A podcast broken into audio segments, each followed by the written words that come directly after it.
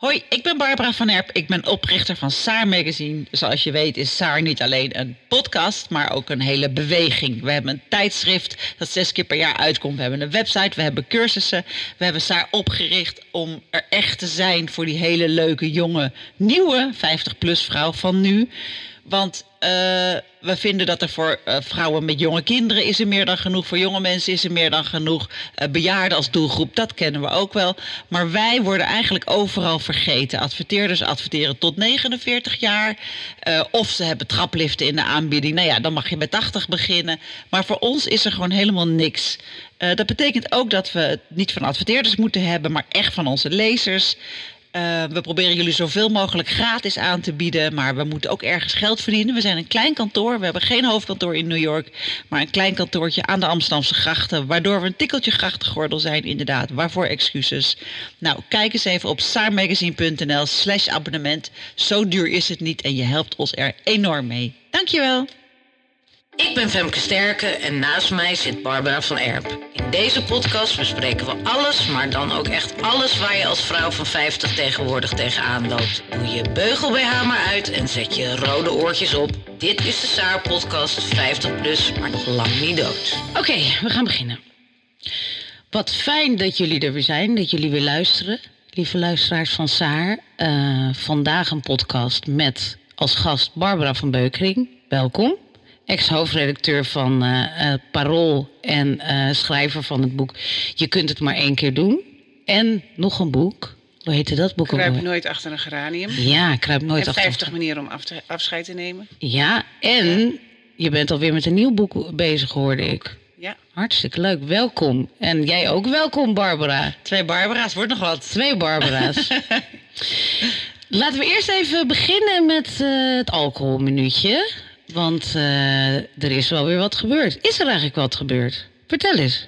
Nou, de intake is dus achter de rug. Ik heb ervoor gekozen om uh, eind januari mijn behandeling te aanvaarden. Ja. um, ik kon kiezen dus. Maar ik dacht, nee, weet je wat? Ik vind het wel lekker als het zo ver weg is. Het gaat hartstikke goed nu. Er is wel een stok achter de deur voor die behandeling straks. En als ik dan gewoon al bijna een kwartaal van die drinken erop heb zitten, dan... Um... Kan je het wel weer afzeggen kan ik het misschien afzeggen. Ja. ja. Als je het uit jezelf kan, waarom zou je dan een behandeling ondergaan? Ja, dat is ook waar. Dat, dat, daar kan ik dan nog over gaan twijfelen. Ja. Ik het dacht is de wel dat je niet drinkt, in ieder geval. Ja, nou ja, dus we hebben dus de uitglijders en de terugval een uitglijder hoort erbij. Maar dat vind ik dus best wel nog een dingetje. Dat ik denk, oh ja, nou wanneer zou ik eens gaan uitglijden? Maar, uh, en bij een terugval kan ik wel echt bellen. Ik zeg van, nou, ik zit weer de hele dag uh, met een fles wijn aan me. Nou ja, dan, uh... maar even over deze week. Is er, is, heb je dan helemaal niet gedronken? Of heb je wel ergens een glaasje wijn gedronken? Nee, helemaal niet. Helemaal niks? Ik, heb wel dit, ik ben nu weer beter. Ik, ik, ik lag natuurlijk als een soort van huisdiertje op de bank afgelopen ja, week. Dus dat telde eigenlijk niet? Nee, ja. maar nu ben ik naar de film geweest en naar het theater geweest en zo. En een etentje gehad. En uh, dus het begint nu wel echt mijn leven binnen te komen. En eigenlijk die wijntjes. Ja, we waren naar een theatervoorstelling en na afloop ga, zou ik dan altijd een wijntje ja. hebben besteld. Maar dat zijn van die theaterwijntjes. Dat ja, is ik, niet hele lekkere wijn. Nee, en ik was helemaal buiten de grachtengordel in Saddam natuurlijk. en, dan, ja, nou ja, en ik viel me ook op dat iedereen na afloop gewoon uh, een colaatje dronk. Zelfs de vrouw die moest optreden, die was helemaal gespannen. De zaal had niet gelachen, ze vond het allemaal heel moeilijk was het geweest. En ik denk, nou oké, okay, hup, doe maar een kopstootje voor die vrouw. Colaatje light en weer naar huis, weet je wel. Grappig, hè? Ja. Maar je zat dus ook niet tijdens de voorstelling al van... Oh, dan kan ik zo lekker aan de wijn. Nee. Nee, dus dat is al best wel... Ik bedoel, dit zijn toch dingen waar je wel mee bezig was... en nu misschien minder? Ja, klopt. En, maar er zijn ook precies de wijntjes waarvan ik denk... ja, die hoef ik echt niet meer in mijn leven, weet je wel. Nee. Die, die Schouwburgwijntjes, nee, echt niet. Weet je. Schouwburgwijntjes? Ja. en, ja, precies. Of, of caféwijn, ja. ja. Ja. Nou ja, caféwijn, nou, dat is, nou. dan is het doel een beetje wijn drinken. Maar Ja. als je naar de schouwburg gaat... Is het doel niet wijn, um, in principe niet wijn drinken. Nee. Dat kun je er wel van maken, maar dat is het in principe niet. Nee, dan, dan hoop je dat je daarvoor heel lekker gaat eten met een glas prachtige chablis of zo. Dat, dat wijntje zou ik, dat, ga, dat, dat mis ik ontzettend. Dat zou ik wel weer willen natuurlijk. Misschien gaat het ook wel weer gebeuren, maar... Maar goed, dus de wijntjes thuis. Ja, het gaat echt supergoed. Maar ehm, ga je niet... Ga je nog naar de AA? Heb je dat bedacht? Nou, dat leek me dus wel leuk om te gaan doen. Om, dus ja, tot aan... Nou, ik, ik heb dus nu november, december. ja. En ook januari eigenlijk. Eh, waarop ik dat zou kunnen gaan doen. En ik was altijd, oh, oh, als je me een paar maanden geleden had verteld over praatgroepen en AA, oh, gadverdamme, ging helemaal jeuken. Natuurlijk niet, dat is niet voor mij. Ik wil niet tussen die mensen zitten. Laat me met rust. Maar ik begin er eigenlijk wel een beetje naar te neigen. Ik vind het wel interessant. Ik heb nu zoveel gelezen en podcasts erover geluisterd. En het helpt gewoon zo om erover te praten met mensen. En eh, ik ben ook wel nieuwsgierig naar die groepen. Ehm, ik heb een vriendin die zegt, ik ga mee. Ik blijk een heleboel vriendinnen te hebben. Ik wist het eigenlijk wel. Ik heb eigenlijk een heleboel vriendinnen die drank helemaal niet zo boeiend vinden als ik dacht. En ik heb ook vriendinnen die blijken, wist ik wel, maar ik had het gewoon niet zo heel erg in van. Oké, als ik wijn ga drinken, dan wil ik ook, nou, coke, blowen, ecstasy, die hele dubbele verslaving. Dat is ook een Ah, supergroot ding. ja. Nou ja, het zou ook wel heel randstedelijk zijn, maar Ik heb even vernoemen, hè. Hier is dat zo, Ja. in Etteleur niet. Nee, nee ik heb hier Mirjam. wel twee vriendinnen nu die zeggen, nou, ook een beetje door mij, ik wil nu ook echt kappen met die wijn, omdat ik daarna ga snuiven. En die vinden het ook heel leuk om mee te gaan naar zo'n groep.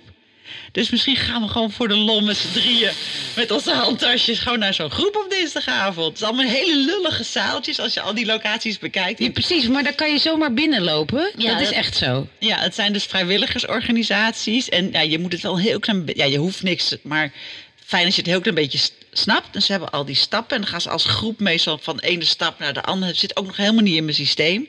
Dus de stappen. De AA-stappen, dus dan erkennen van je probleem, onder ogen komen, met mensen erover praten, erkennen dat je hulp nodig hebt. Ik, sorry, ik, ik, eh, kenners, ik ben nog helemaal nieuw. En dan gaan ze met z'n allen wel naar een fase. En als er dan een nieuw iemand binnenkomt, dan gaan ze alle, met z'n allen naar fase 1. Ja. Dus het is wel zo van, wow, er zijn nieuwe mensen. Ja, ja. Maar is het wel de bedoeling dat jij dan met die twee vriendinnen zo leuk binnenkomt? Ja, dat, weet- dat in, denk in ik. zo'n gremium? Ik weet niet. Misschien moet ik alleen gaan. Ja, of het is wel anoniem, hè? vriendin. Ja. Dus dat weet ik ook nog niet helemaal.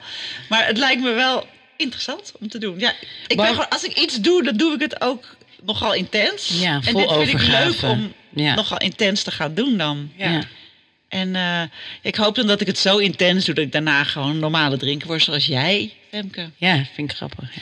Ik vind Barbara veel leuker, want daar kan ik echt heel goed mee drinken. Maar dat Ja. lijkt iets te veel op waar ik niet meer naartoe wou. Ja. Maar jij, eh, jij, jij hou ook hebt. van jou, jij- ja, ik weet het. Maar wat heb jij, als jij dit verhaal van Bar hoort, wat, wat denk jij dan? Is, er- is het enigszins herkenbaar? Of wat heb je. Nee, nou, ons, eh, ons, ons drankgebruik is heel herkenbaar. Ik drink Mhm. ook graag en veel. Maar ik heb er vooralsnog niet zulke problemen mee als, denk ik, Barbara. Mhm. Ik denk wel eh, heel regelmatig, moet ik niet wat minder drinken? Maar, maar, maar de eh, noodzaak is minder ja, groot. ik voel me ook niet, want als ik dan denk zo AA. Kijk, ik heb nog een keer, ik heb een keer een, eh, een goede vriendin gehad die bij de AA, of nee, die bij de Jellinek was. Ja? En die zei toen, die, die heeft toen een jaar niet gedronken. En die zei toen, je bent een alcoholist als je niet meer kunt functioneren. Eh, ja, dus er zitten allemaal heel veel verschillende, Ja. ja. heel veel verschillende. Nou, dat is eh, natuurlijk het grappige. Heel veel verschillende Eh, definities. Definities. Ja. En ik denk altijd, nou ja, ik functioneer echt prima. Ja, maar, ja. maar echt prima. ook. En ik heb ook niet, en eh, ik heb ook niet heel erg last van zware katers, maar die heb jij beg- begrijp ik ook niet. En Ja. ik heb wat dat betreft, dus het is meer dat ik dan af en toe denk van, nou ja, ik hoef niet als ik s'avonds op de bank zit thuis met mijn man een fles wijn te drinken, weet je wel Ja, zo. ja, Dat ik dat dan niet doe. Maar voor de rest lijkt mij een, zeg maar het leven waar Barbara nou naar streeft, namelijk zonder drank, of waar je nu in zit, laat ik het zo zeggen.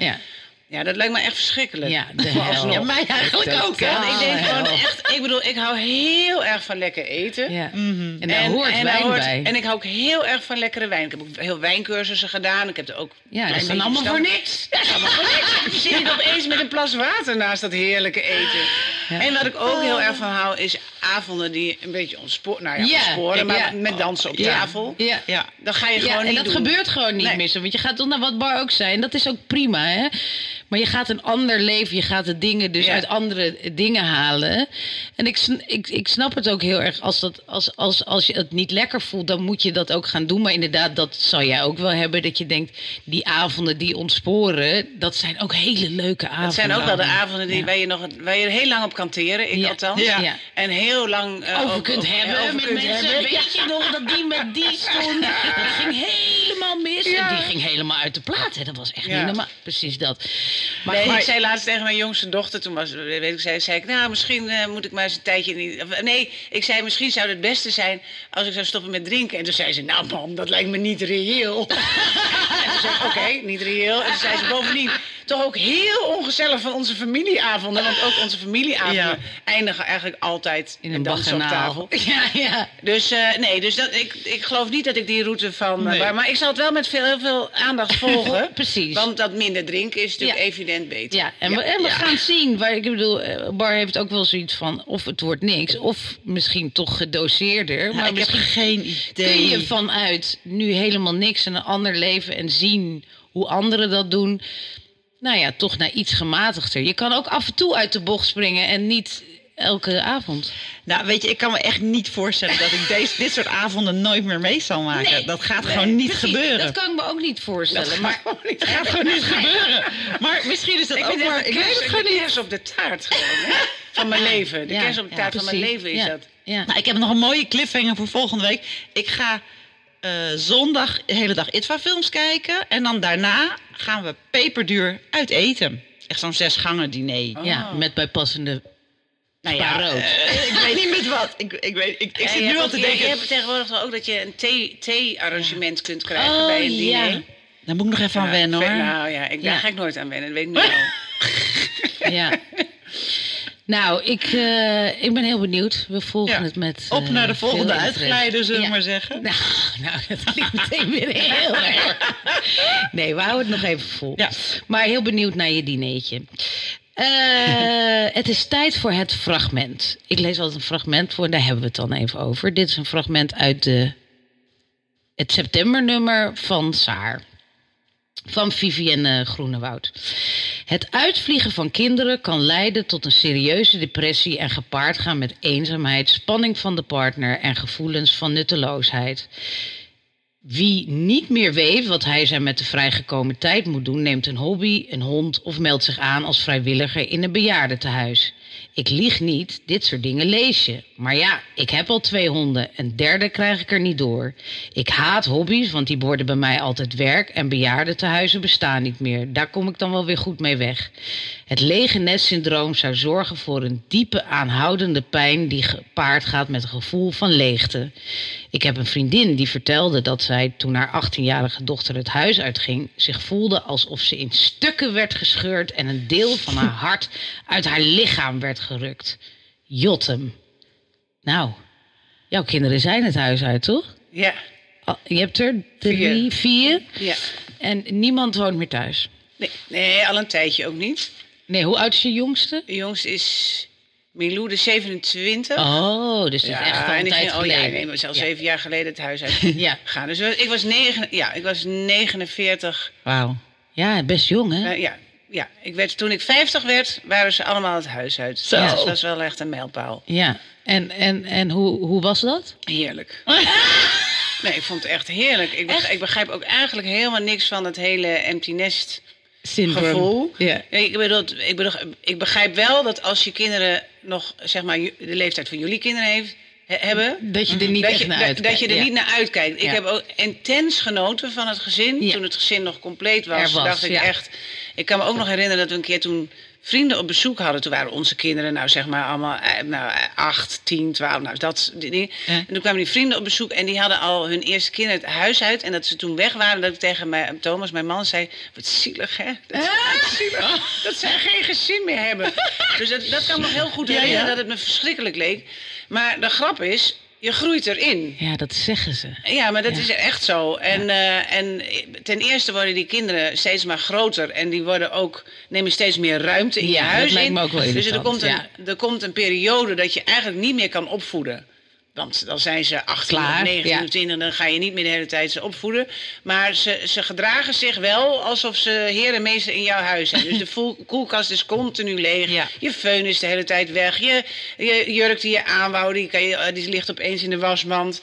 Ik bedoel, ze, ze zijn natuurlijk heel vrij, dat is logisch, want ze wonen in hun ouderlijk huis.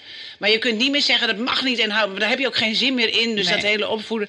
Dus dat. En bovendien, ja, als je, wij hebben de vier kinderen, ze gaan ook drupsgewijs. Ze gingen het ook niet gewoon Nee, in allemaal jaar. tegelijk. Ja. Dus, Maar die eh, laatste dan, dat is dan nee, wel de de eerste moeilijkst. Oh, Ja. Nou ja, bij ons in ons geval was de eerste was, eh, de, de zoon van mijn man. Die ging al, eh, Jasper, die bij ons is opgegroeid. Niet bij zijn moeder, zullen we Ja, zeggen. ja. Dus altijd bij ons. Die ging als eerste, maar die ging toen hij twintig was, ging hij naar Australië. Eigenlijk om een jaar weg te gaan. Mhm. en, toen, en toen bleef hij er vervolgens drie jaar. Dus dat vonden we dan om andere reden weer een beetje moeilijk. Maar goed, dat was een ander verhaal. Maar de eerste van de drie meisjes, Ja. van de drie gezamenlijke dochters, was Ruby. En dat vond ik wel het moeilijkst omdat ja, daardoor eigenlijk dat gezin echt wel echt Ja, uiteenviel ja, met die meisjes. En meer, omdat ja. die zusjes daar ook zo dramatisch over Oh ja? Ja, Was dat Mi- zo? Milou die is een beetje een drama queen. Dus die zei ook steeds. Oh, zo erg als Ruby weggaat. En dan is. Ja, nou ja, dat, dat vond ik wel vervelend. maar goed, toen Ruby eenmaal weg was... toen bleek het allemaal reuze mee te vallen. Ja, die ja. ging ook gewoon eh, op de Hanemerdijk wonen, vlakbij. En toen vervolgens twee jaar later ging Laura. En toen, en toen, bij, toen bij, bij Milou dacht ik... Nou, ga jij nou ook maar... Ja, ja, dat zie ik ook bij vriendinnen. Die Want derde dan nou, heb je gewoon nog één thuis die toch volstrekt de eigen gang gaat. En dan denk je, nou, dan dan maar helemaal mijn vrijheid terug. Oké, dus je had niet daarna dat je dan denkt van... nou, nu is de laatste weg, end of an era. Oh, oh, dat is helemaal toen, toen niet. was, daar was ik natuurlijk helemaal ingegroeid. En toen dacht ik juist, vrij. Party, party. Nee, maar ik dacht echt vrij. Ik dacht, ik ben 25 jaar, nou, ruim ja, 25 jaar moeder. Of ik begon al op mijn 22 En toen kwam ik Thomas tegen en die had dus al Dat kind, dat dus zoontje. dus ik was al meteen- meteen, ja, ja. vanaf dag 1 was ik moeder. Vervolgens die drie dochters achter elkaar. Dus ik was iets van 27 jaar moeder geweest. Ja. 27 jaar gezorgd. En opeens, ik, die vrijheid die vond ik echt Ja, fantastisch. ja, Dat je gewoon helemaal nou, niet dat meer is ook een heerlijk verhaal. je hoeft ja. aan niemand meer te denken. Dat je uit je werk komt, dat je niet denkt... oh, ik moet nog boodschappen koken. Wat zullen we vanavond eten? Ook kind moet nog naar een sportclubje. Nee, dat je na, uit je werk dat je denkt... Goh, ik ga gewoon even langs een kroeg, bijvoorbeeld. Ja. bijvoorbeeld, hè. Ik, ik zeg maar wat. Ik zeg maar wat. Of ik, zeg, of ik bel mijn man op en zeg, zullen we even een hapje eten? Of zullen we Ja, naar de bios? ja, dat gewoon, kan en dat kan dan elke dag. ja. Nou ja, nee, ik vond, het heel, ik vond het echt super. Ik vind het nog steeds super trouwens. Ja, je geniet niet aan- ja. elke dag van het kinderloze. Nou, nee, ja, laat ik het zo zeggen. Eh, ze komen best met de enige regelmaat. Ja. En dan heb ik, en dat zei mijn moeder trouwens ook. Dan geniet ik me suf als ze er allemaal zijn. Ook als ze er tegelijkertijd zijn, want dan zijn we toch weer even dat gezin. Maar als ze na een paar dagen weer weggaan, denk ik, hè, hè? Mhm, Heel fijn. Dan, dan- ja. Ja. Nou, dit vind ik wel, eh, dit vind ik wel een mooi verhaal. Hoe, de- hoe denk jij erover als je aankijkt dat jouw kinderen... Kijk, de jongste is natuurlijk nog jong. Ja, maar de- er zitten vijf jaar tussen en ik heb er twee. Een van 16 en een van 10, bijna Ja. 11. Dus Ja. dat is best wel gek. het is nu ook... Toen ze klein waren, ging dat eigenlijk... Ja, was, was dat leeftijdsverschil. Ja, die kleine ging gewoon altijd mee met die grote. Dus die, hup, mee. En nou ja, tegen de tijd dat hij zes was of zo... had hij wel zoiets van... Huh, nee, ik wil helemaal niet meer mee. Ik wil mee op mijn eigen leven. Dus we zitten al een paar jaar een beetje in een spagaat. En nu hebben we dus, ja, 16. Ja, die, die laat zich helemaal niet meer zien. Die zit op zijn kamer super braaf te studeren de hele dag. En af en toe, eh, ik heb honger. En dan komt hij naar boven. en dan zet ik even zijn raam open voor wat frisse lucht. En dan gaat hij weer terug. Ehm, dus dat, wordt, dat zijn eigenlijk twee aparte, heel aparte jongens en ja, levens. Ja. En ook ja, nu als we op zaterdag met de hond gaan wandelen, dan zeggen we tegen de jongens, nou ga even mee. En die oudste zegt, dat vragen we niet eens meer aan, want die is toch zijn kamer niet meer uit te sleuren. Dat is een heel lang intro om te zeggen van ja. Ja, ja. Dus dan gaat, straks gaat Felix, ik, ik had wel met hem besproken nu gisteren weer van, ik wil je echt een paar goede gerechten leren. We hebben gisteren chicken, chicken tikka masala gemaakt. Ik zeg, dat is heel goedkoop, kan je ook nepkip in doen. Je kan zelfs de hele kip laten zitten, je gewoon alleen maar met uien. En eh, dus ik wil hem een aantal maaltijden gaan wat leren. Daar zijn we nu mee bezig. en ehm, eh, ja, dus het wordt gewoon een gekke tijd. Dan gaat straks gaat Felix. Ik denk dat hij gaat studeren of zo. Ik zie hem wel naar Groningen of zo vertrekken. Ja, maar ja. allemaal fantasie ja, en dan nog, heb je nog een hele tijd. Nou, de meeste die kinderen gaan in Amsterdam, die in Amsterdam geboren zijn, gaan in Amsterdam studeren. Ja, Dus maar zijn er ook je- wel die dan ineens naar Groningen gaan? Ja, maar zijn, die zijn wel erg in de minderheid. Ja? Ja, dat is meer ook mijn angstbeeld. Dat hij gewoon vertrekt en nooit meer belt. Nee, maar ik zou er rekening mee met het feit houden dat hij hier gaat studeren. En, En dat hij gewoon voor altijd thuis 22e blijft. thuis blijft. Ja. Dat ga jij vervelender vinden hoor, kan ik je nu al Ja? vertellen. Ja. ja. Nou, misschien in ons geval, omdat morgen die moet dan nog meekomen, dat, het dan, dat we heel lang nog met twee kinderen Ja, blijven. dat zou kunnen. Ja. En dat we over een paar jaar denken, en nu allebei maar. Ja. Morris, die, die, die vertrekt als hij 13 is, zo ziet hij eruit. Ja. Dus wij doen. Ja. Nee, zeker weten. Deze. Dat is binnenkort. Ja, binnenkort. Maar kijk je er tegenop? Dat was Ehm, meer een vraag. Dat je, ik bedoel, Als je daar nu over nadenkt, of kan je er nog niet echt over nadenken? Of denk je er wel eens over na, ben je- zie je er tegenop? Nee, ik zie er heel erg tegenop. Ja? Ja, maar ik vind het wel daarom heel leuk om Barbara's verhaal te horen. Maar het lijkt me zo raar, zo stil in huis. Het is nu al soms een beetje... Nou, ik vind het dus nu heerlijk om af en toe alleen te zijn. Eh, omdat er altijd mensen bij ons in huis zijn. En Thomas werkt toch veel thuis. Die heeft nu een werkkamer ergens anders. Nu ben ik al de hele dag alleen thuis. Nou ja, tot half vier scholen dichtgaan. Ehm, dat vind ik wel heel fijn. Maar dat, ja, dat gezellige met z'n vieren aan tafel. En vakanties met elkaar en zo. Dat ga ik wel... eh, ja, dat moet ik wel even over nadenken hoe ik dat allemaal ga doen, ja. Ja, maar denk je niet, oh wat heerlijk, want dan zijn we weer met z'n tweeën en dan kunnen we weer een Lekker beetje overdag leven. naar de film en zo. Precies. Ja, dat wel, ja. Nou, dat dacht ik trouwens ook niet per se hoor. Wat heerlijk weer met z'n tweeën. Oh nee? Nee. Dat, dat, Ah, nee. nee, daar, daar was ik zelfs een beetje angstig voor. Want wij, wij zijn eigenlijk nauwelijks met z'n tweeën geweest voordat we Ja, dus ja, kinderen dat- begonnen. oh ja, dus dat Ik wist je dacht, helemaal nee, niet hoe kan dat ik wel zijn. met z'n tweeën Ja. zijn. Ja, ja. Dus wij zijn ook eerst op een toen, nou ja, toen Ruby denk ik net. En toen geweest. zijn we, nee, zijn we op een proefvakantie gegaan met z'n tweeën. Want we waren ook nog nooit met z'n tweeën op vakantie geweest. Ja, ja, ja. En dat was ook de eerste dagen van die vakantie ook helemaal niet leuk, weet ik nog. Oh. Ja, ik miste het gezin van op de vakantie. Ja. En ik gedroeg me ook een beetje alsof er nog een gezin was. Dus ik zei tegen Thomas, geef je paspoort maar. En uh, je boarding pass. grappig. En ik ging alles regelen tot hij op een gegeven moment zei... zullen we gewoon... eh, we zijn, nee, dat We hoeft niet. samen. Je hoeft hier niet als een soort Akela voor me uit te lopen om alles te regelen. Ja, ja Dus, nee, eh, dat, dat snap ik wel. Maar dat, Oh, wat dat komt interessant. Omdat mijn, mijn man en ik zijn al heel lang samen en ook heel lang voordat we een kind kregen. Dus ik verlang een beetje terug naar de studententijd. Oh ja, ja. Zeg maar dat, ik dan, dat we dan thuiskomen en niet, niet gaan koken en eten, maar gewoon neerstorten op de bank en wijn gaan drinken en, en nergens aan hoeven denken, zeg maar. Ja. Het lijkt me echt heerlijk. Maar goed, ik moet nog eh, zeker tien jaar. Oh, oh, dat- Ik heb een beetje hetzelfde als Barbara. Ook een Barbara en Thomas natuurlijk.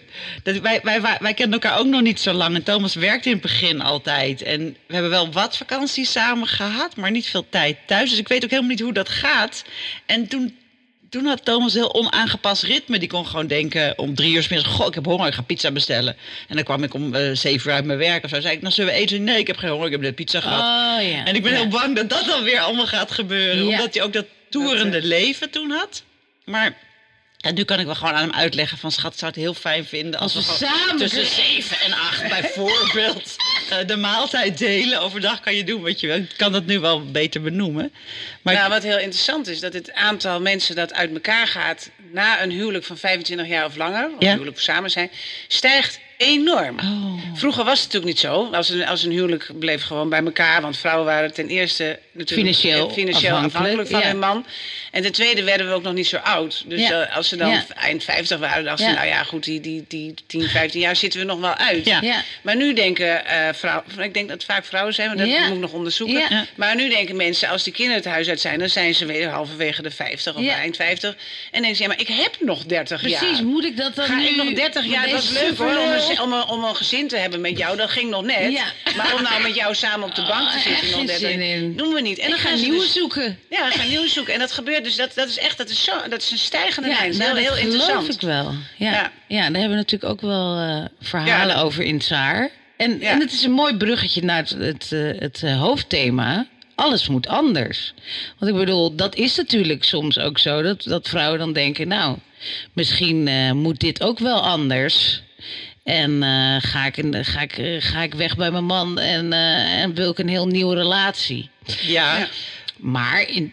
Ja? Ja, nee, nee, nee. Want het- we- eigenlijk was het een heel grappig organisch eh, verhaal al over jouw leven. Precies, dus De kinderen het huis uit. En toen dacht je, huh, vrijheid. Maar toen was je nog hoofdredacteur van Paul, denk ik. Ja, nou, net. Want ik ben dus op mijn vijftigste... Ja, op mijn vijftigste verjaardag, toen werd ik dus vijftig. Toen waren dus de kinderen uit huis uit. En toen heb ik besloten... eh, toen had ik dus dat gevoel van... eh, ja, eh, niet, niet zozeer is this, all, is this all there is. Want dat klinkt dan negatief. Maar meer eigenlijk een heel fijn gevoel van vrijheid. Ja. Hè, wat ik net Alles moet anders. Maar toen dacht ik ook... Als ik me zo vrij voel... Wat kan ik daar dan mee doen met die, met die nieuwe vrijheid? Ja, en toen dacht ik, nou, ik, heb, ik ja. was 21 jaar hoofdredacteur geweest. Ja. Eh, niet alleen natuurlijk van Parool, maar ook van Volksland Magazine, van Avantgarde, BLVD. Nou, zo'n heel tritsje bladen.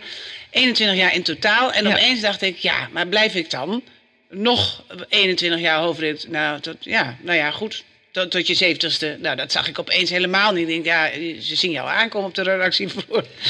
en toen dacht ik, maar kan ik dan ook nog misschien iets anders? Maar wat dan? En dat kon ik gewoon niet bedenken. En toen heb ik dus op mijn vijftigste ben ik weggegaan bij de persgroep. Ja. Ja. En dat was wel echt een soort mijlpaal van, Ja. nou, ik, ben, ik ging ook uit vaste dienst. Ja. Ik ging uit de veilige omgeving. Ik had bij de persgroep sowieso 15 jaar gewerkt. Zo, Dus, eh, ja. Eh, ik had een heel goed salaris. Het was, was, is natuurlijk een heel mooi mediabedrijf. Ja. En toen ben ik daar weggegaan. En toen had ik voor mezelf besloten... ik neem drie maanden sabbatical... en dan ga ik maar nadenken wat ik ga doen. Want ik wist ook wel dat als je zo blijft zitten... dan, dan komt het niet. Nee. Ja, we hebben Je genoeg moet- voorbeelden van gezien om ons heen, zeg maar. Precies, in de precies. Ik Ja. dacht, je moet gewoon het lef hebben om, om, om weg te gaan. En Geweldig. dan gaat het op je afkomen. Anders komt het niet. Ja. Nou, en dat, dat bleek ook wel, want tijdens de sabbatical kreeg ik al heel snel verschillende banen aangeboden. Maar die leken heel erg eigenlijk op wat ik al deed, vond ik. Ja, ja. Dus dat was bijvoorbeeld eh, eh, voor de vacature directeur Nederlands Filmfestival en programmadirecteur Avro Tros. Nou, dat zijn banen waar ik toen allemaal mee in, in, ver, vergevorderd in gesprek mee was.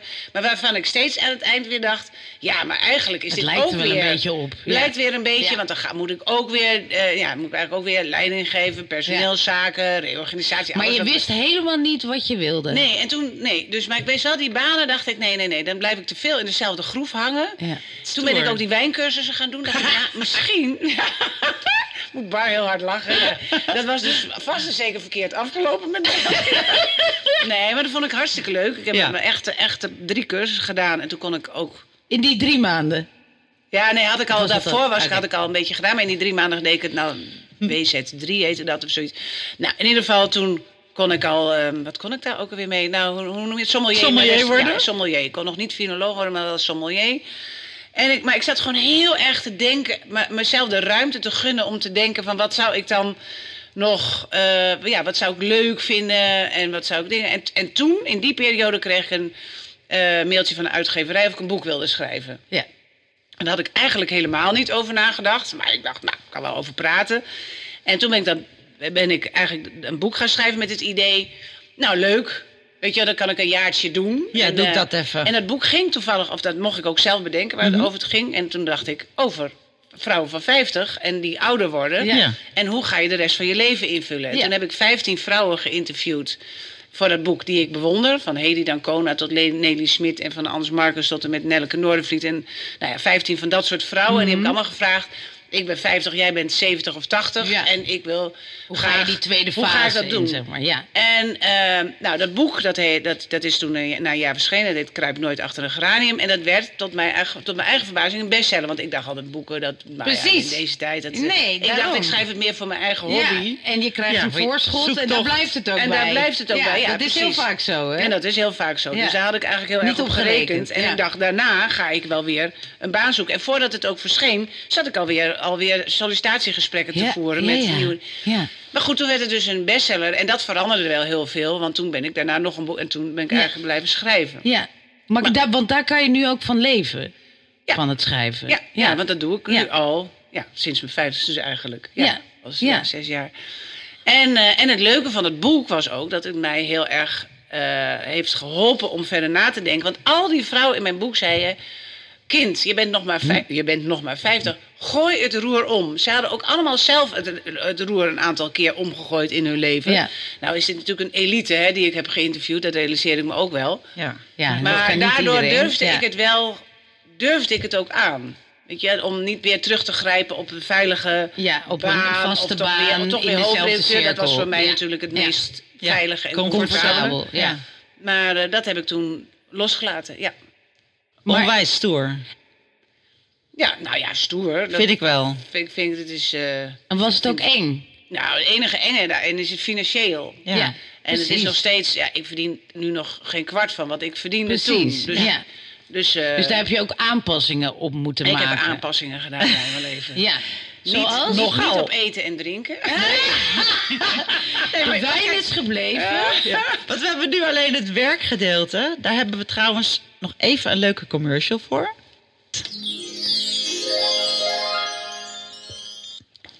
Heb je zin om voor jezelf te beginnen als ZZP'er of een groter bedrijf? Eh, en ben je 50 en denk je: nee, er zit niemand op mij te wachten. Eh, ik ben veel te oud om voor mezelf te beginnen. Wat heb ik de maatschappij nou te bieden? Nou, een heleboel dus. En daarom hebben wij van Saar Magazine met Jolanda Wiegerson, ondernemerscoach, een cursus ontwikkeld. Goed idee voor jezelf beginnen op je vijftigste. En omdat we hopen dat het je inspireert, hebben we deze maand ook nog extra korting eh, op deze cursus. Dus hij kost geen 65 euro, maar 40 euro. Dus als je ergens een sprankelingetje voelt van ik zou dat graag willen, dit is je kans. Doe die cursus en daarna ligt de wereld aan je voeten, ook als je 50 bent. Het is een online cursus met allerlei opdrachten en inspirerende video's van Jolanda, eh, waarin ook ik, Barbara, mijn verhaal vertel over hoe ik voor mezelf ben begonnen. Eh, je kan het helemaal in je eigen tempo doen. Het zijn allemaal online modules. Eh, we raden wel aan om er één keer per week even goed voor te gaan zitten. Maar je kan een ondernemingsplan downloaden, een aantal oefeningen, het waarom van je onderneming ehm, en allemaal hele leuke opdrachten. Dus het is helemaal online en je kan het helemaal in je eigen tijd doen vanaf de bank. Kijk op saarmagazine-cursussen.nl Ja, Bar, je hebt nu tot nu toe over je werk verteld, maar je hebt nog veel meer gedaan. Ja, Ja. dat klopt. Want toen ik, toen ik eenmaal durfde. Ja, ja. Toen moest alles Nee, toen, en toen dacht ik, ja, toen, toen dacht ik eigenlijk van, nou, nou ben ik zo lekker bezig met het boek. En toen diende zich er iets anders aan. Dat is namelijk dat wij al 30 jaar in hetzelfde huis woonden. Ja. Op de derde Helmenstraat in Amsterdam. En daar dus die vier kinderen hadden grootgebracht. En die waren allemaal uitgevlogen. En het huis was echt te, gro of te groot, ja, lekker, te groot voor ons tweetjes. Of te ongezellig, ook Ja. qua inrichting. Er waren gewoon vier verdiepingen. Ja. En je op twee verdiepingen ja, kwam je niet meer. kwamen we niet meer. Nee. Ja, om een sneuwe plant nog water te geven. Maar dan wordt, het, dan wordt zo'n huis gewoon helemaal niet meer leuk van. Nee, en ook zonde. De kinderen kwamen nog wel vaak om even een biertje te drinken of eh, de koelkast leeg te eten. Maar kwamen ook niet meer slapen natuurlijk, want ze Mhm. Nee, woonden allemaal in Amsterdam. Ja, precies. En toen dachten wij, we gaan het huis verkopen. Mhm. Nou, dat, dat stuitte ook nog weer eh, eerst op heel veel weerzin bij, Bij de kinderen? dramatische kinderen. Ja. Die, echt gingen ze vergaderen en zeiden ze, nee, dat is ons ouderlijke huis. En- dat snap ik helemaal. Dat snap ik Milou heeft helemaal. ook nummer 84, dat is nummer op haar pols laten tatoeëren toen we het huis verlieten. Wat lief. Ja, heel lief. Wat Ja, ze- het was ook wel echt. dat is ook heel dramatisch. Ja, maar dat, ook Ja, we zijn goed hier voor hele hun. leven gewoond en je denkt ook echt van, wat doen jullie met het stukje van mijn erfgoed? Ja, ja, ja. zij vonden het echt heel erg. Maar goed, wij hadden ondertussen een plan bedacht. Wij dachten, we, we kopen een kleine etage in Amsterdam. Want daar, daar kunnen we dan Met z'n tweeën genoeg voor z'n zitten, tweeën. ja. Met een tafel dat die kinderen daar wel kunnen eten. Ja. Maar verder zullen we, daar toch, we daar toch niet te slapen. Dus klaar. Ja. En dan kopen we een huis in Friesland aan het water. Want we houden heel veel van het water. We hebben ook altijd een boot gehad. En daar kunnen dan alle kinderen... eh, daar, daar, genoeg slaapkamers, zodat alle kinderen daar kunnen zijn. Dan moeten ze ook wel blijven logeren. Oh, weet je ze manipulatief. natuurlijk- ja, dat was wel een beetje. Nou, toen we dat voorstelden aan de kinderen, zei Ruby, de oudste dochter. Nou, want ik zei toen van ja, maar dat is heel leuk. Dat wordt een soort familiehuis met vijf slaapkamers voor alle kinderen een eigen slaapkamer. Of in ieder geval, ze kunnen tegelijk blijven slapen. En toen zei Ruby, nou, dat hoeft niet hoor. Jullie hoeven echt niet op zoek naar een huis met vijf slaapkamers. Want ik denk niet dat wij daar ooit tegelijk zullen zijn. Als we er überhaupt al komen. Ja, oh maar ja, god. dat Die hadden daar wel, ja. helemaal niks mee. Die waren ook nog nooit in Friesland geweest. Dus die, dachten, die waren überhaupt, nou ja, nee.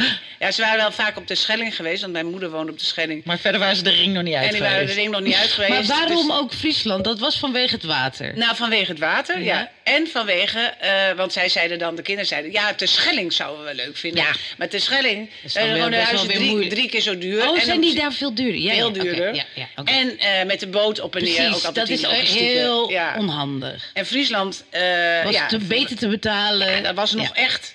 Dat was, even kijken, In vier jaar tijd. geleden kon je nog echt daar. Nou, nou echt voor heel. Die, die etage hier in Amsterdam kostte net zoveel. Eén etage Dat van, meen van 65 vierkante meter kost net zoveel Als als, dat huis daar. landgoed daar. wat Dat we daar- meen ja. je niet. Oh, wow. Ja, en, ehm, en, en, en bovendien is het maar vijf kwartier rijden. Want wij Ja, wonen ja, beneden in precies. Friesland, dus Ja. dat vond ja, ik dat dan is ook altijd nog... minder ver dan je denkt. Ja, het ik klinkt kom- ik kom er heel nu ver. ook net vandaan, Ja. Maar en toen? Nou, en toen, kochten jullie dat? Ja, en toen gingen we daar. eh, En toen het idee was door de week in Amsterdam en in het weekend Thomas en ik naar Friesland. En dan af en toe de kinderen Ja, met, ja. met kerst en oud en nieuw en met, met verjaardagen ook in Friesland.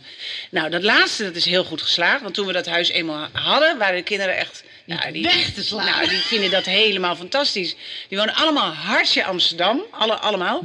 en die vinden dat echt een geweldige plek om te chillen, zoals ze dat zelf noemen. Dus Mhm. ze zijn daar heel vaak. Ja. En dat vinden wij natuurlijk ook dan heel gezellig. En dat wilden ze natuurlijk ook in het weekend, maar dan zat je in Amsterdam. Zaten we Ging dan- dat mis op die manier of niet? Nee, want zij, zij komen daar dan ook alleen. Oh, natuurlijk, je was in het weekend wel door de Ja. week hier. Nee, sorry, ja, maar zij zijn er ook wel alleen. Want bijvoorbeeld over twee weken zijn we, Thomas en ik een weekend weg. En dan zeggen we, wie wil in het huis? En dan zeggen ze allemaal, ik, ik, ik. En dan Ja, ja. even Oh, ja, loten voor de dan... kat en de hond. Ja, ook. Maar ook omdat ze gewoon heel graag daar willen zijn. Ja, nee, precies. Maar jij moet er echt even iemand hebben voor de kat en de hond, toch? Ja. Maar goed, dus... ehm, en wat wou ik zeggen? Oh ja, nee, dus dat, zo hadden we het eerst. En dan Ja. hebben we twee jaar hebben we dus Amsterdam en Friesland gecombineerd. Ja. En toen kwam corona. Ja. En toen zaten we opeens helemaal in Friesland. Want dat was veiliger. Thomas is ook... Thomas is 19 jaar ouder dan ik. Ja. Dus die wordt binnenkort 75. Ja, ja, en die hem. voelde zich een kwetsbare ouder. Dus die wilde ook helemaal niet in Amsterdam zijn. En in Friesland was het sowieso toen ook veel fijner. Want het was mooi weer. Weet je nog, die eerste lockdown toen? Ja. Nou, Ja. En toen zaten we daar eenmaal permanent, eigenlijk noodgedwongen. En toen zou Thomas dat jaar stoppen met werken. En die zei, waarom gaan we hier niet helemaal wonen? Dat heen en weer gereisd toch de hele tijd. en ik was toen inmiddels dus ZZP'er geworden. Ja. En ik kon daar ook prima mijn werk doen. En toen hebben we dus besloten van, eh, weet je wat, we gaan daar wonen. En heb je het eh, appartement eh, van de hand gedaan? Nee, dat huurt onze middelste dochter Laura voor ons. Met haar dochtertje. Ja, ja. Oh, Dus dat is helemaal een prima. goeie. Ja, ja. Die betaalt daar ook echt een, een goede prijs voor. Want anders zou het niet eerlijk zijn voor de anderen tegenover Oh, de ja, andere kinderen. Ja. Ja, oh netjes. Maar, eh, ouders. nou, en nu wonen we dus. Dus nu is mijn leven echt wel helemaal om. Ja. Want ik ben dus nu gewoon woon in Friesland en ik, ik leef als een solist. Ja. Maar ik, zit ik, daar zie, ik zie je. Instagram wel. Je zit hier wel Ja. om de haverklap. Je bent hier niet weg. Oh, ik wou je een heel mooi verhaal houden. Ja, ik ben een Friese vrouw geworden. Nou ja, en ik zie het niet hoor. Nee, ik zie ook die jacuzzi en ik zie ook die leuke luikjes en zo. Maar ik zie je ook echt. Je bent hier vaak. Hoe Nou, vaak ben je ja, hier? dat is wel zo. Ja, één à twee keer per week. Ja, precies. Ja, en dan blijf ik ook altijd wel slapen. Bij Ja, je dus- dochter.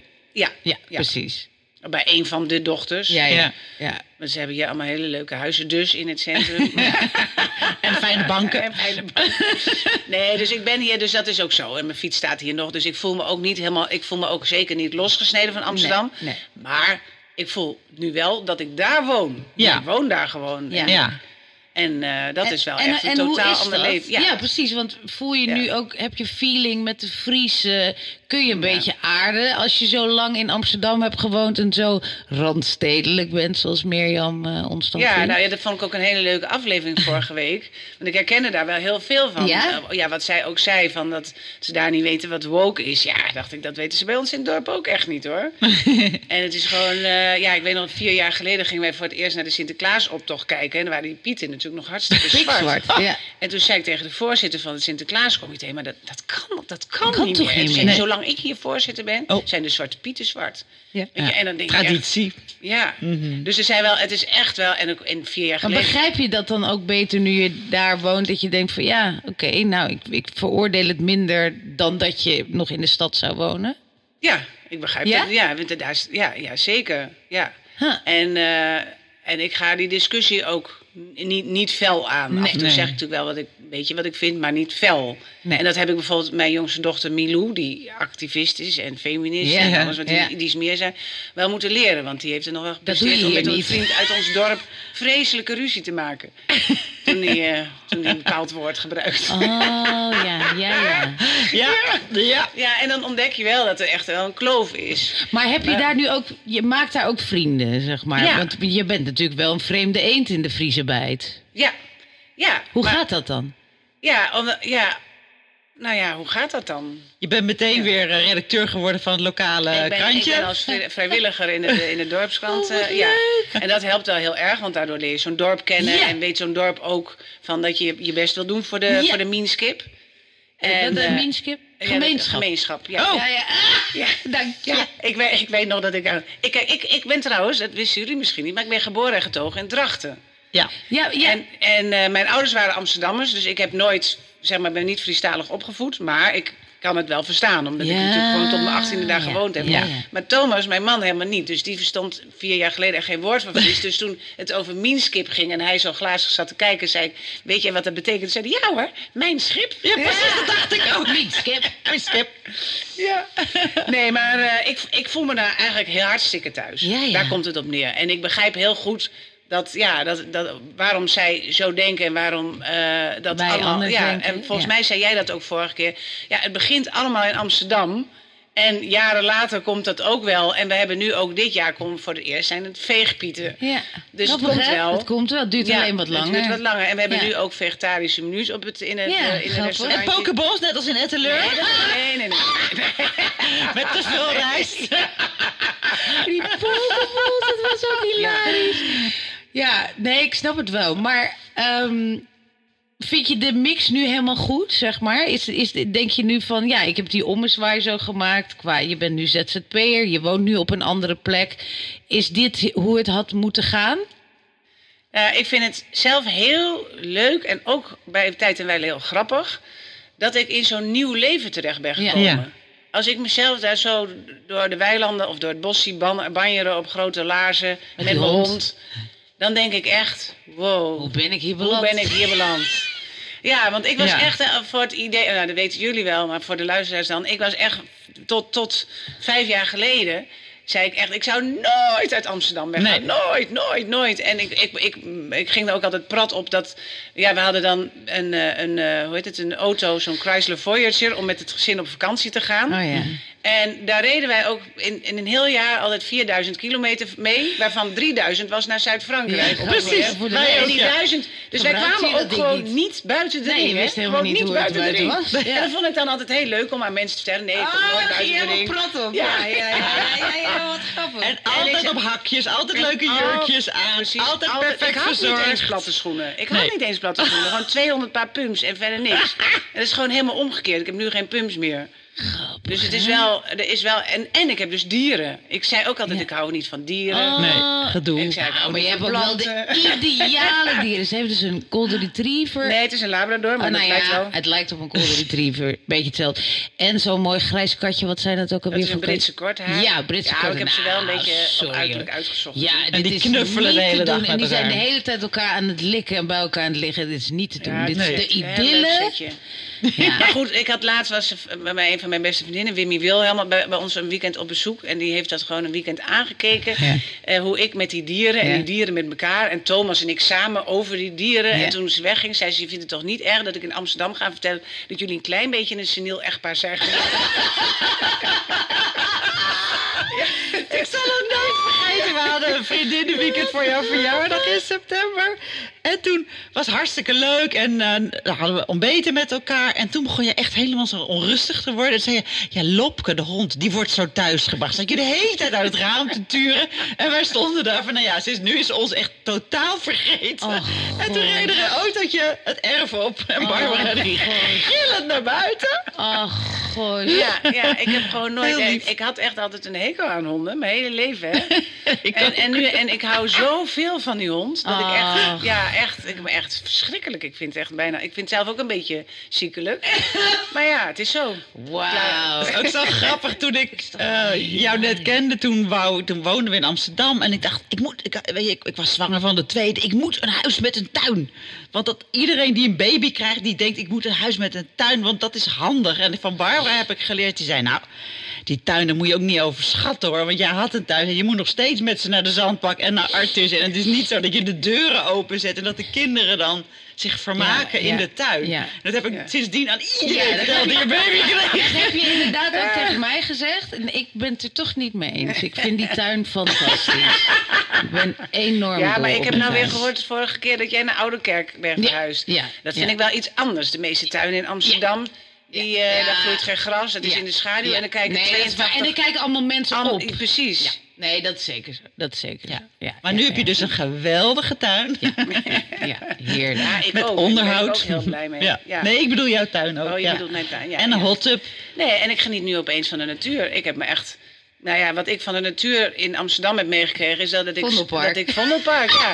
Ik fietste altijd Ja. met mijn kinderen van, van de Helmenstraat naar, naar een schooltje in Zuid door het Vondelpark. Ja. En dan dacht ik, oh, Oh, ja, de blaadjes van de bomen, ja. het zal wel herfst zijn. Weet je wel, zo dan kreeg ik de, natuur, dan, de, de, de seizoenen mee. Terwijl ik nu zie dat een herfst gewoon uit, uit Ja. 600 kleuren bruin, geel, Ja. groen bestaat. En dat heb ik allemaal helemaal nooit zo bewust Grappig meegemaakt. is dat, hè? En dat is toch echt wel leuk. Ik bedoel, ik heb het in het klein, want ik ben dus naar Ouderkerk verhuisd. Maar ik, ik vind de stad ook echt geweldig. Ik dacht dat ik hier nooit weg wil. Nou, nu woon ik in Ouderkerk en elke dag fiets ik langs de Amstel en zie ik al die bomen. En ik, ik heb de polder achter mijn huis en dan maak ik daar kleine wandelingen, hoor, want ik hou niet echt van wandelen. En ik vind het zo geweldig. Ik heb ineens de natuur een beetje Ja, ontdekt. ik heb ook de natuur Nou, ontdekt. hilarisch, hè? Luchten ook, luchten. Ja, luchten. Oh, ik, luchten. Film, ik film Ja, de lucht. ik ook. Ik film de lucht. Nooit gedaan. Maar ik kom dus uit Harderwijk en heb je hei en bossen en zo. En ik zei altijd, oh, moeten we weer gaan fietsen op Ja. zondag en zo. Ik wilde alleen maar stenen grachtenpanden. En nu, Ja. ja. begin, ja, met ouder worden, ik begin toch echt eh, de natuur te... Ja, maar jij bent er vroeg bij. Wat dat Ik ben er best vroeg bij. Komt omdat ik bij Saar werk. Weet je, ik krijg dat toch al mee. Ik, ik hang een beetje naar het oude. Ja. Ja, mooi. Nou, dan gaan we nu naar het volgende rubriekje. Je hebt je op voorbereid. Even naar de tune. Graniolen. Werkwoord. Iemand het klote gevoel geven dat hij of zij hoogbejaard is. Als in, die kut millennial zit me verdomme te graniolen. Nou, Bar. Graniolen. Graniolen. Ja, ja, ja ik, zoals jullie weten, ik ben fan van deze podcast. Dus ik luister het altijd. En dan denk ik altijd, oh, ik wou dat ik op een dag ook mijn eigen graniool mag vertellen. Want het is namelijk een paar jaar geleden. Ja. eh, was ik op de Kring, Sociëteit de Kring in Amsterdam. En daar kwam ik een hele oude collega van vroeger tegen. Want Ja. toen ik nog bij de AVRO werkte, bij Pauze TV. Nou, toen was ik eh, nou, jong, begin twintig. En hey, hallo, was heel leuk weerzien met die man. was een leuke man. En hij had een vriend bij zich. En hij stelt mij voor. En hij zegt tegen die vriend: Dit is Barbara van Beukering. Ja, zij was vroeger echt een hele mooie vrouw. Dat kun je nog wel zien. Oh! Nou, echt. Wat erg. Nou, ik ben blij dat jullie ook zo. Want mijn, mijn bek viel op het haakje. kapot gaan. Die vriend vond het ook een beetje pijnlijk. En die zei: Nou, ik vind haar anders nog steeds een hele mooie vrouw. Hè? Wa- wa- waarop ik dacht, hè, da- dankjewel. Waarop deze oud collega zei, nou ja, maar ik bedoel meer, vroeger was het echt een stuk. En nog erger maken. Nog erger Oh mijn maken. god. Dit zou iets zijn, daar zou ik weken mee kunnen zitten. Het is Ja. te treurig voor woorden, maar, toch. Vroeger, Nee. je, je kunt nog wel zien dat ze vroeger een mooie vrouw was. Ja. Oh, En dat zeggen ze wel eens over vrouwen van 80, dat ik me daar ook wel iets bij kan voorstellen dat dat gezegd wordt. Ja. Maar ja, dat het Maar die vrouw van leeftijd- 80 wordt ook woedend, denk Ja, ik. die wordt ook woedend. Wat, wat is ja. want het is wel een leeftijdsgenoot die tegen je Ja, zegt. Hè? ja. Niet iemand die... eh, nou ja, dus dan denk je... Ja, Ja. maar we- zijn toch met z'n allen aan het verval bezig. Dus je hebt jij bent vervallen, ik ben vervallen. Zullen we dan alsjeblieft elkaar dan weer waarderen in Ja. onze vervalheid? Nou ja, maar dat zei Cindy Hoedmer natuurlijk laatst ook. Dat gewoon een man, vriend van haar leeftijd... Ja. zei- toch in haar porde en Oh, ook ja. iets zei van... eh, nou ja, het valt me nog wel mee, terwijl die even oud was. Dus er is ook iets met mannen en, en vrouwen. Nou ja, dat weten we natuurlijk ook wel. Maar die schoonheid van de vrouw is dus veel belangrijker. En die man heeft dus het idee van... oh, jij bent dat aftakelen en kijkt niet naar zichzelf, kennelijk. Ja, is toch dat vind ik bizar? ook- ja, dat vind ik ook vreselijk. Ja. Nee, jij trekt volle zalen. Ja, nee, maar ook altijd. Ja, waar die man- mannen de arrogantie vandaan Maar halen. dat maakt ze dan niet uit. En dan gaan ze vrouwen wel lopen reten. Ja, maar dat is gewoon sowieso een misverstand. Vroeger was het misschien nog wel een beetje waar dat vrouwen eh, na een vijftigste een beetje bij lieten zitten. Hè? Terwijl als ik naar mijn oma's kijk, die gingen inderdaad wel gewoon, die hadden dan zo'n grijs permanent en, en zo'n Ja, bloemetjesjurk en dingen. ja. En ik- maar als ik zie, ik bedoel, hoe mijn vriendinnen van, ik heb ook alweer een heel tritsje vriendinnen die al de 60 gepasseerd zijn. En de 70 trouwens ook Ja. al. Die ziet er fantastisch uit. Ja. Die, zijn er, die zien er echt beter uit dan de gemiddelde man van die leeftijd. Ja, ja. Dus dan zijn ze gewoon echt links en rechts aan het inhalen. En die mannen hebben het zelf nog niet door. Dat is een beetje het probleem. Ja, nou ja, dat is ook iets wat langzamerhand moet komen. En, en ja, we hebben het hier ook wel eens over als we ehm, eh, bekende Nederlanders voor Saar aan het regelen zijn, zeg maar. Dat we denken van, hè, is die al 50? Is die al 50? Het is ongelooflijk. De vrouwen zijn, ze zijn nog steeds gewoon ontzettend mooi. Ik vind het juist ook leuk om te zien. Wow, die is al 50, ziet er fantastisch uit. Daarom zijn we ook gewoon heel blij met Saar dat we dat kunnen laten zien. En Ja. dat het gewoon niet is, hier houdt het op. zeg Nee. Maar dat is gewoon niet zo. Moet alleen die mannen, Het begint hè? eigenlijk pas. In mijn optiek, hè? Ik vind, ik, en dat is ook wel bewezen dat, dat hoe ouder je wordt, hoe gelukkiger Meer je, mensen en je worden. weet ook beter wat Ja. je wil, denk ik. Ja. Ja. Ja. Nou, mooi. Dank je wel. Dankjewel, Bar. Leuk dat je er was. Nou, ik vond het zelf heel erg Helemaal Ja. uit Friesland. Noorwegen. Nou, vond je nou een leuke podcast? Abonneer je dan, like deze podcast eh, of abonneer je op deze podcast in je favoriete podcast-app. Tot, Tot de volgende week. keer.